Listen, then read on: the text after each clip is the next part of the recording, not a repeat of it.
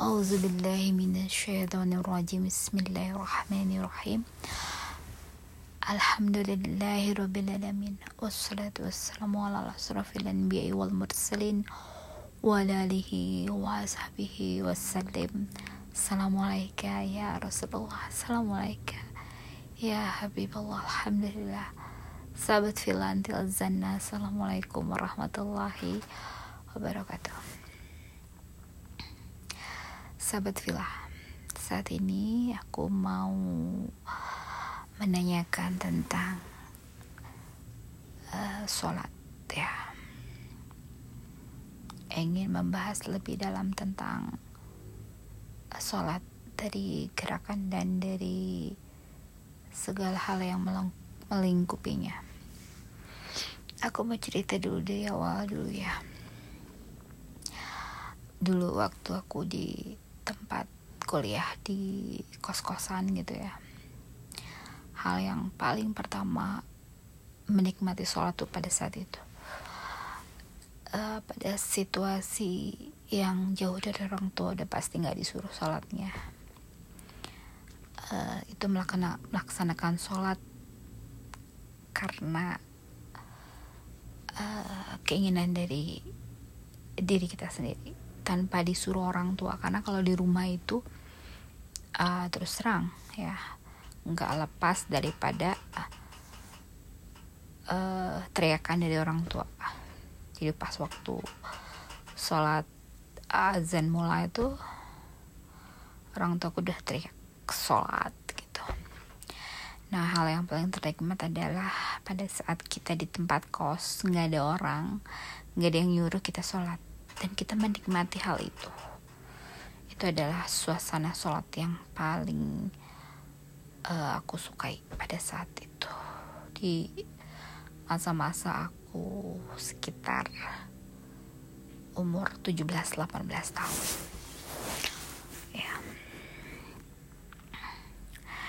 Ya saat kita jauh dari orang tua dan kita melaksanakan sholat karena kesadaran dari diri kita itu adalah suatu hal yang nikmat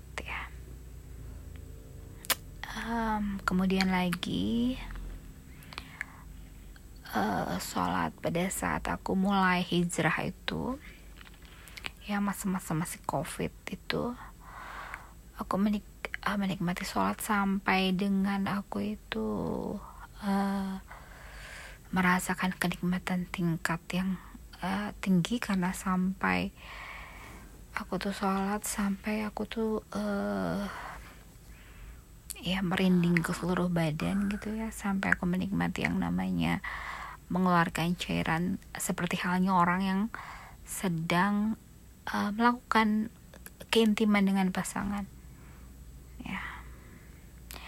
Dan itu harus dikontrol karena uh, hal ini bisa membatalkan sholat ya.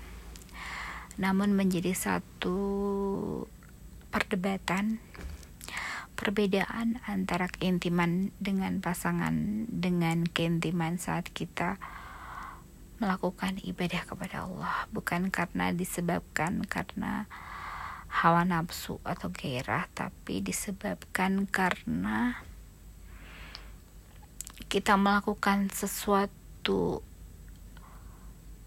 uh, aktivitas yang melibatkan ya bagian uh, dari bagian dalam kita sampai akhirnya berefek kepada bagian luar kita yaitu jasmani sehingga si jasmani ini ya mencapai tingkat kenikmatan yang paling optimal dalam karena ini disebabkan oleh efek dari roh yang secara ya bertautan ataupun merasakan roh ini uh, difungsikan secara maksimal untuk meresapi gerakan sholat serta uh, bentuk dari kehusuan sholat menikmati sholat dan pada masa-masa ayah saat-saat ini begitu banyak aku merasakan satu uh, ibaratnya in flir in uh, atau banyak sekali virus ataupun penyakit-penyakit yang ingin hinggap di tubuh ini.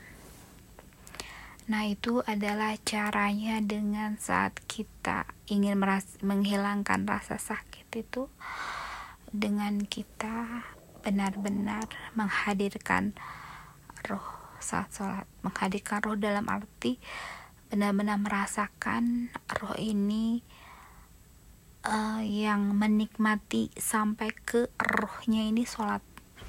Bukan hanya jasad tapi sampai ke rohnya ini sholat ini adalah satu upaya pengobatan.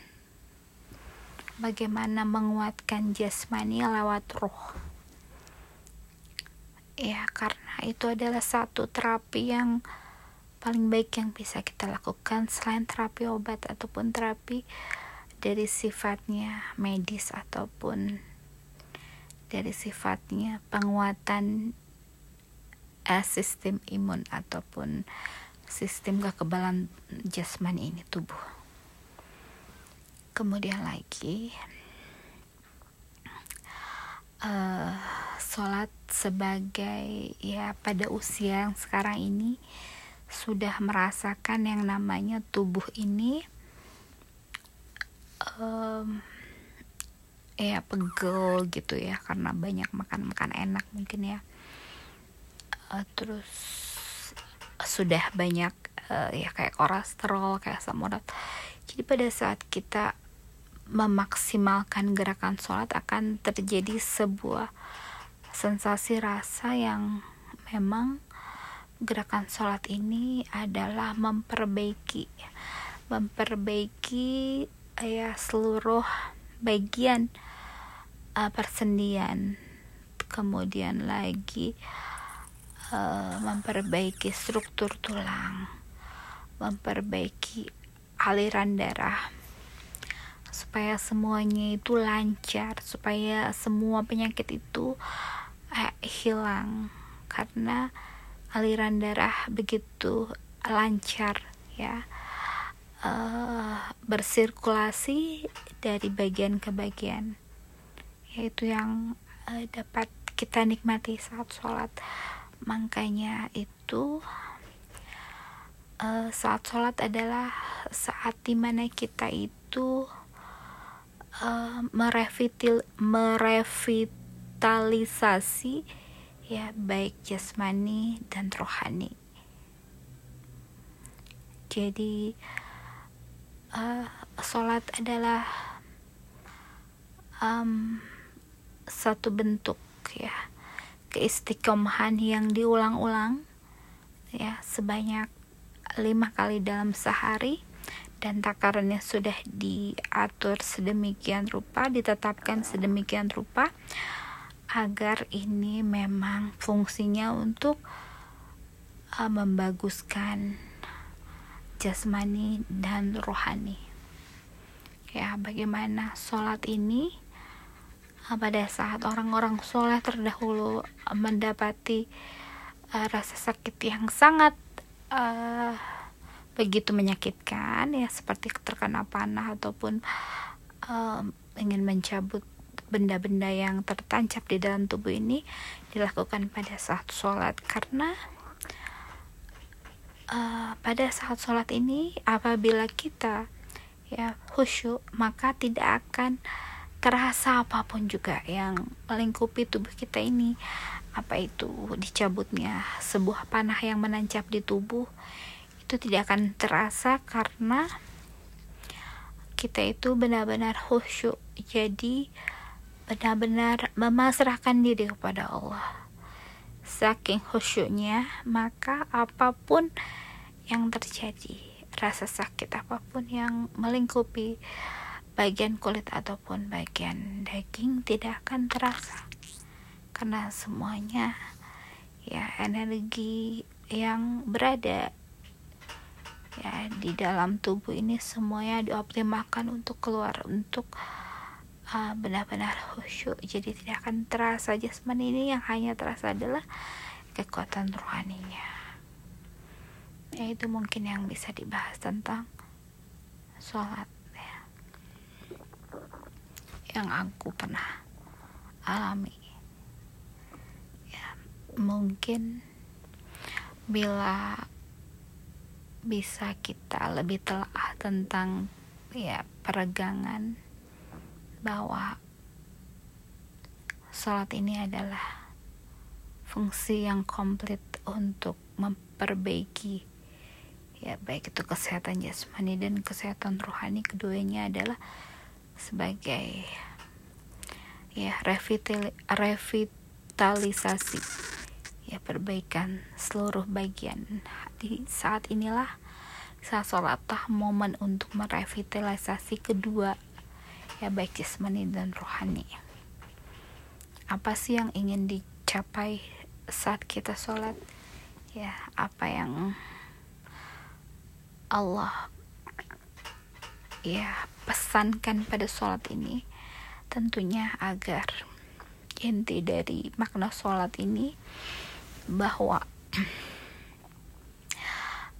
uh, manusia ini tentunya dalam keseharian melakukan hal-hal yang tanpa sengaja ataupun disengaja suatu yang mengandung dosa. Untuk itu ya kita uh, menajatkan kepada Allah melalui sholat agar terhapus seluruh